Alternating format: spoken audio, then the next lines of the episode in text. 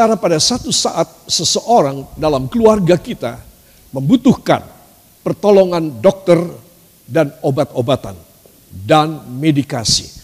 Saudara, maka keluarga kalau dokter sudah mengatakan memanggil keluarga dan mengatakan keadaan dari pasien ini anggota keluargamu ini atau ayahmu atau ibumu atau istri atau suamimu atau adikmu atau anakmu dalam keadaan yang gawat sekali. Saudara, saya yakin ada satu kalimat yang saudara akan katakan pada dokter. Dokter, tolong usahakan apa yang terbaik. Ya, termahal, terbaik supaya anak saya ini atau istri saya ini bisa diselamatkan. Supaya tidak meninggal tetapi bisa bertahan. Saudara, saudara ingin supaya orang lain memberikan yang terbaik. Apa sebab? Saya mau tanya. Karena saudara dan saya tidak mampu. Kita bukan dokter. Kalaupun kita dokter, kita tidak sedang bertugas. Jadi kita tidak mempunyai hukum. Tidak ada payung hukum di mana kita bisa membuat tindakan medis. Walaupun kita dokter spesialis dan ahli sekalipun. Tapi kita tidak sedang dalam tugas. Saudara. Jadi di sini saya memberitahu bahwa banyak kali kita harus terpaksa menyerahkan pilihan kepada orang lain untuk dia menentukan yang terbaik dan memberi yang terbaik kepada kita. Saudara, tapi saya beritahu kepada saudara, itu kebanyakan kali selalu meleset dan mengecewakan. Hanya seorang yang menyerahkan dirinya untuk Tuhan memilihkan yang terbaik bagi dia. Maka Tuhan akan memberi kepada dia yang terbaik. Amin. Jadi saya tadi sudah katakan, kalau saudara itu menyerahkan pilihan kepada orang, maka orang itu akan berkata, satu, option pertama, baik saya akan mengerjakan karena keluarga pasien meminta dan tidak perlu dipertanyakan berapa biayanya, saya akan bertindak. Tetapi kalau dokter ini dan timnya mempunyai satu pikiran, tidak ada tindakan sebaik apa pun dan obat semahal apa pun di dunia yang bisa menyelamatkannya. Maka opsi yang kedua dia akan mengatakan, kami akan berusaha. Tetapi semua tergantung sama Tuhan Sang Pencipta. Saudara, lemeslah saudara ketika engkau mendapatkan tawaran ataupun penjelasan yang kedua ini. Lemes saudara. Saudara, itu sebab yang terbaik daripada semuanya adalah saudara meminta Tuhan untuk memberikan yang terbaik dalam hidup saudara. Katakan itulah permanent reality. Realitas yang permanen. Saudara, itu maksudnya saudara memasrahkan hidup saudara kepada Tuhan sepenuhnya. Supaya dialah yang mengambil keputusan, yang bertindak secara apa pun dalam hidup saudara dan memberikan yang terbaik kepada saudara. Dan semua katakan dan saya harus menerimanya dengan penuh penyerahan. Tidak memprotes karena dia tahu terbaik dalam hidup saya atau keluarga saya. Yang percaya beri tepuk tangan bagi dia. Haleluya. Saya mau tanya kepada saudara ya, tolong dijawab yang jujur ya, tidak usah sungkan sama saya. Kalau saya pakai dasi ini cocok enggak? Cocok apa tidak? Setuju cocok ya? Oke. Kalau saya pakai dasi ini kira-kira cocok enggak? Cocok apa tidak? Ini juga cocok, saudara. Ya, Menurut saya ini juga cocok. Makanya saya kasih contoh. Sekarang kalau ini cocok apa tidak?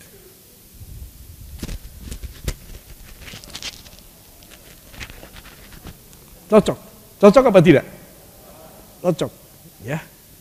Milih dasi ini aja 10 menit loh saya. Ya. Ya, ini juga cocok ini. Sudah. Saya mau tanya yang terakhir. Kalau ini cocok apa tidak? Ya, cocok kan? Saudara dari empat dasi ini menurut saudara karena semua cocok apa sebaiknya saya pakai empat-empatnya saja. Ya. Ini namanya tidak cocok dan orang kan berkata, wah Pak Pendeta Roy sudah rodok miring gini ya. Ditinggal istrinya, Hampir dua tahun terus jadi tidak beres ini ya. Para kekasih. Para kekasih ada banyak pilihan yang bagus dan mungkin cocok buat saudara. Tapi semua katakan hanya Tuhan yang sempurna. Dan itulah yang akan saya terima dengan penuh ucapan syukur. Amin. Jadi saudara harus menanti dari Tuhan. Ya, saudara, saya pun juga demikian. Dalam kita merenovasi Grio Panembah ini, saya selama ini mencari yang terbaik bagi rumah Tuhan. Ya, saudara, tapi saya belum mendapat. Tuhan belum memberikan pada saya yang strek, yang paling sempurna dari semua yang tersedia di sini, di Jakarta. Saudara. Nah itu sebab saya harus menantikan Tuhan untuk bisa merenovasi. Sebagian uang sudah ada. Bukan karena masalah uang. Tetapi masalah yang terbaik yang saya cuma mau pasang di dalam rumah Tuhan ini. Itu dari sejak zaman dahulu kala. Ya saudara. Itu sebab saya ingin supaya semua saudara tahu bahwa permanent reality adalah harus ditangkap dengan suatu penerimaan. Suatu penerimaan, bukan cuma pemasrahan. Tetapi, tetapi penerimaan yang tulus dari saudara, dari saya. Maka sebelum Tuhan memberi, Tuhan melihat hati kita bahwa kita bisa menerima dengan penerimaan yang tulus, maka Tuhan memberi yang terbaik tidak ada kata penolakan, tidak ada kata protes, tidak ada kata sesuatu dakwaan ataupun sesuatu sesuatu resolusi kepada Tuhan tidak. Tuhan biar apa yang terbaik karena hamba percaya pada permanent reality dan engkau pasti memberi kepada hamba yang terbaik. Nah, dari muda, dari saudara anak-anakku yang masih muda dan remaja sampai yang paling sepuh dan di luar sana saudara-saudara juga mendengar khotbah saya ini, Belajar bukan berserah, tetapi menerima. Amin. Berserah itu separuh jalan, tetapi menerima itu sepenuh jalan. Itu sebab banyak Tuhan mundur lagi dari saya, karena saya cuma berserah. Saya tidak menunjukkan etikat baik untuk menerima. Saya cuma punya itikat baik menyerahkan. Itu sebab para kekasih belajar tentang permanent reality. Saya ingin supaya saudara itu memberi kepada Tuhan dan menerima dari dia yang terbaik. Amin. Yang setuju beri tepuk tangan bagi dia. Saya ingin supaya saudara memahami sekali lagi Mohon dibuka dari 2 Samuel 7. 2 Samuel pasal yang ke-7 ayat 25 dan 29 para kekasih. Ayat yang luar biasa. Saya berharap setiap kali ini dibaca dan kita membacanya setiap kali kita berkata Tuhan, hamba mau menerima apa yang kau tetapkan dalam hidup hamba karena engkau hanya menetapkan terbaik saja. Terbaik saja. Saudara. Dan itu saudara harus camkan dalam diri saudara. Yakinlah Tuhan menyelesaikan semua yang kita tidak mampu. Setelah kita bisa menerima dari dia. Sebelum saudara menerima dari dia, saudara hanya berserah. Dia masih 50%. Apakah si Timothy Roy ini orangnya mau menerima kalau aku tetapkan nanti sesuatu. Dia ragu, dia tahu isi hati saya. Jadi lebih baik Tuhan mundur dari saya dan stop progres dan proses saya di stop dulu. Pelajaran permanent reality adalah pelajaran untuk menerima. Saudara, bukan hanya berkat, tetapi kehendak dari Tuhan. Dan kalau saya dan saudara bisa belajar dari seorang raja, walaupun dia seorang raja yang berdosa, saudara, dan Tuhan mengampuni dosa dia. Namun kita perlu belajar dari dia, saudara. Seorang raja saja bisa menerima dari Tuhan. Maka Tuhan mencurai dia dengan pemberian-pemberian yang lain secara jasmani, secara fisik, secara finansial, secara kesehatan, secara kebahagiaan, secara kemenangan di dalam operasi militer. Tuhan mencurahkan anugerah luar biasa kepada raja ini. Siapakah raja ini? Daud. Mari kita akan baca. Ayat 25 dan 29. Satu, dua.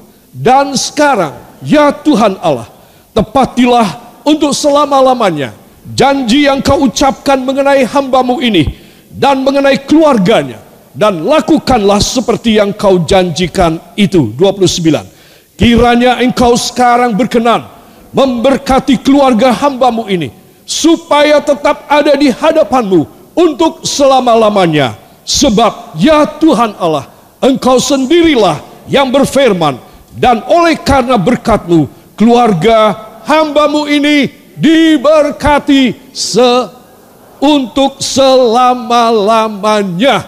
Amin. Beri tepuk tangan bagi dia.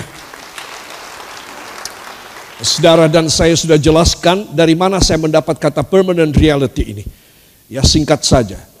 Dari New English Translation dalam ayat 25. So now, O Lord God, make this promise you have made about your servant and his family a permanent reality. Do as you promised. Saudara, saya memetik permanent reality dari sini. Ya, saudara. Kenyataan yang permanen adalah berkat nyata yang tetap selalu ada. Namanya juga permanen. Selalu ada ini berkat. Saudara tidak punya uang, saudara punya berkat. Saudara belum mendapatkan kesembuhan, saudara menerima berkat. Saudara, inilah permanent reality. Jadi apa yang saudara dengar dari firman dan saudara camkan dan saudara simpulkan di dalam hati sanubari saudara. Dan saudara imani. Itu namanya saudara mulai menerima dari Tuhan. Tuhan berkata, senang aku melihat anakku ini luar biasa. Senang aku. Kat malaikat berkat. Kasih sama dia.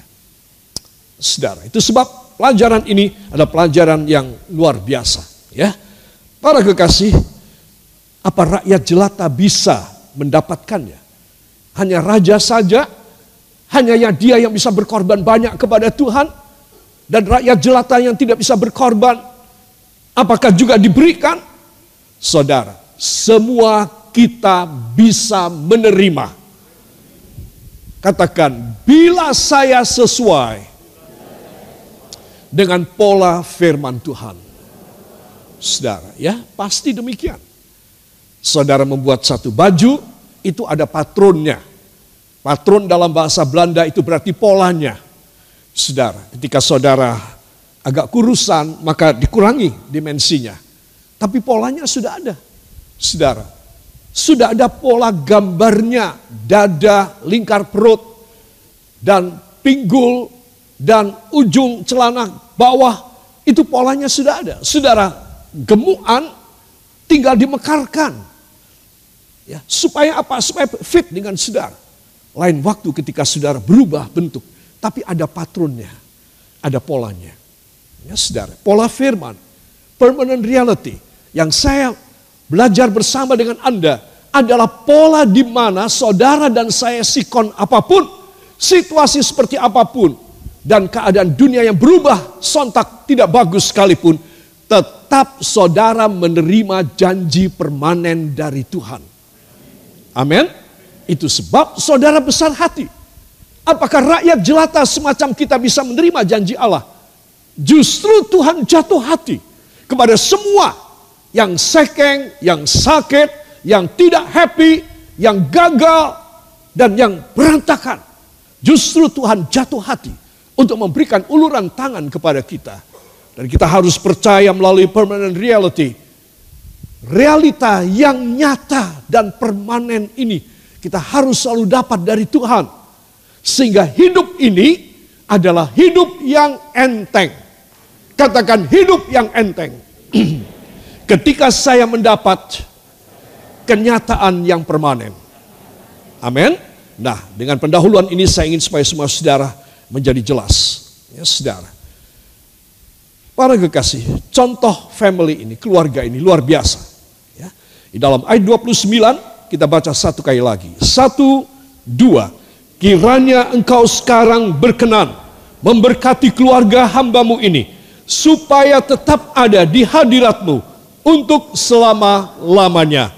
Sebab ya Tuhan Allah, Engkau sendirilah yang berfirman, dan oleh karena berkatmu, keluarga hambamu ini diberkati untuk selama-lamanya. Amin. Beri tepuk tangan bagi dia.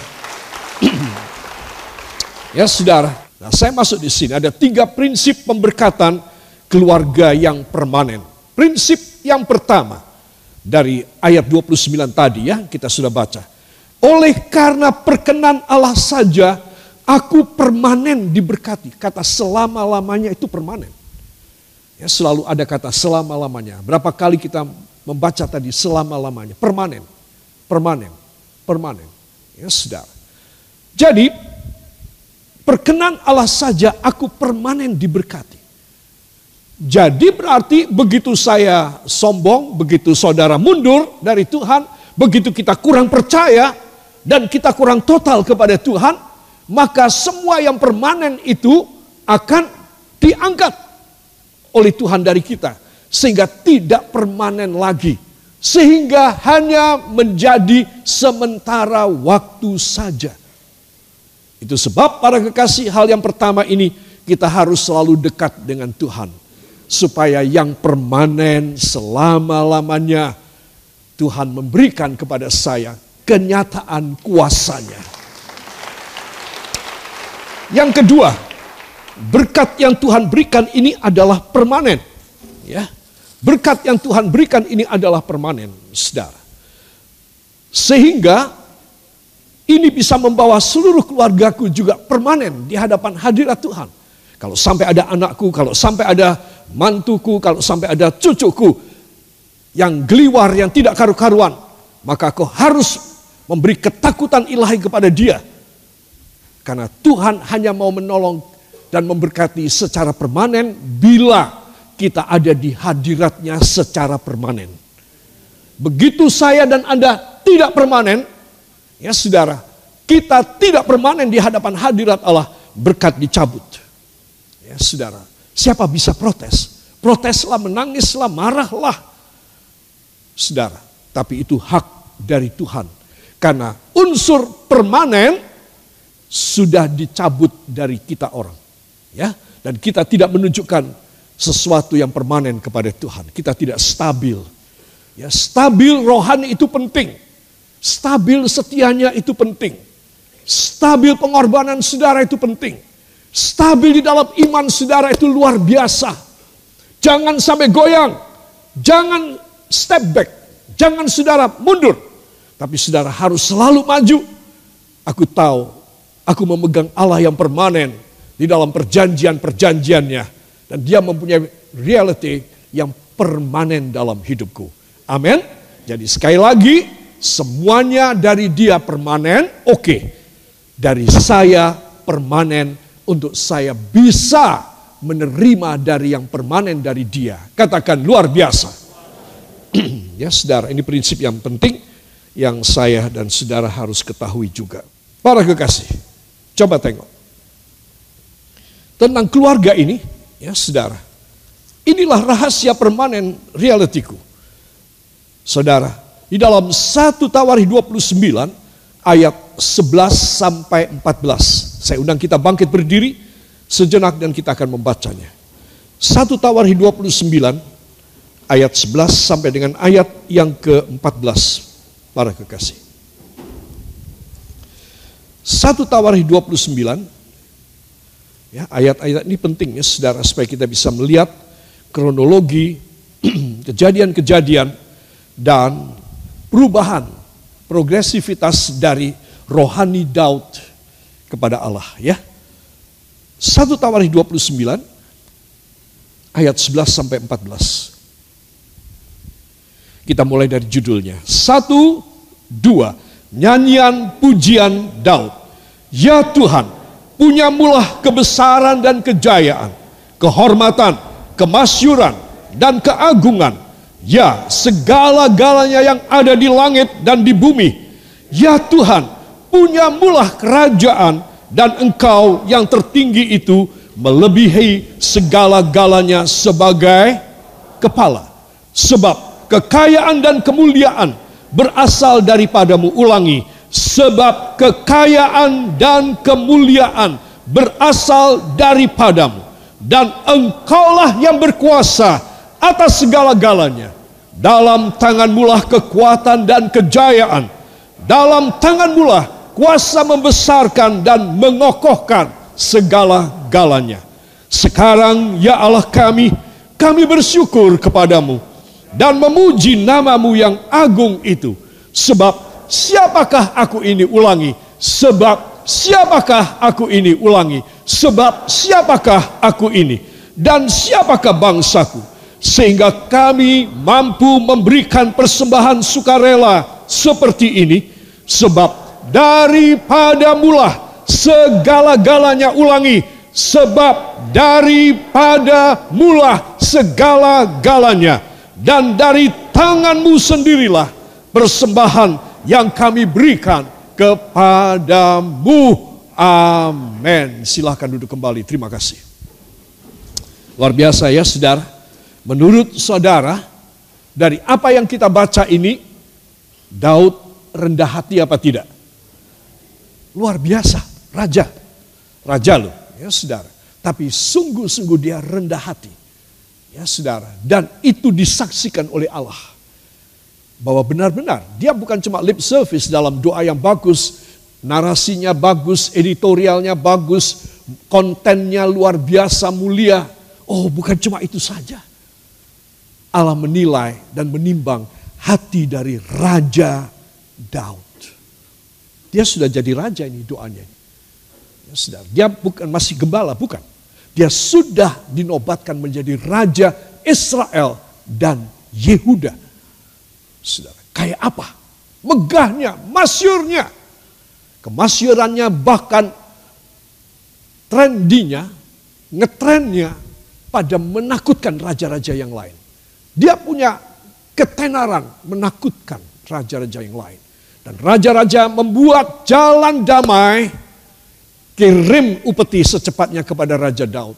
Daripada dia menyerang kita sewaktu-waktu. Cilaka kita. Udah kasih upeti. Saudara. Itu semua raja melakukan kepada Raja Daud. Saudara.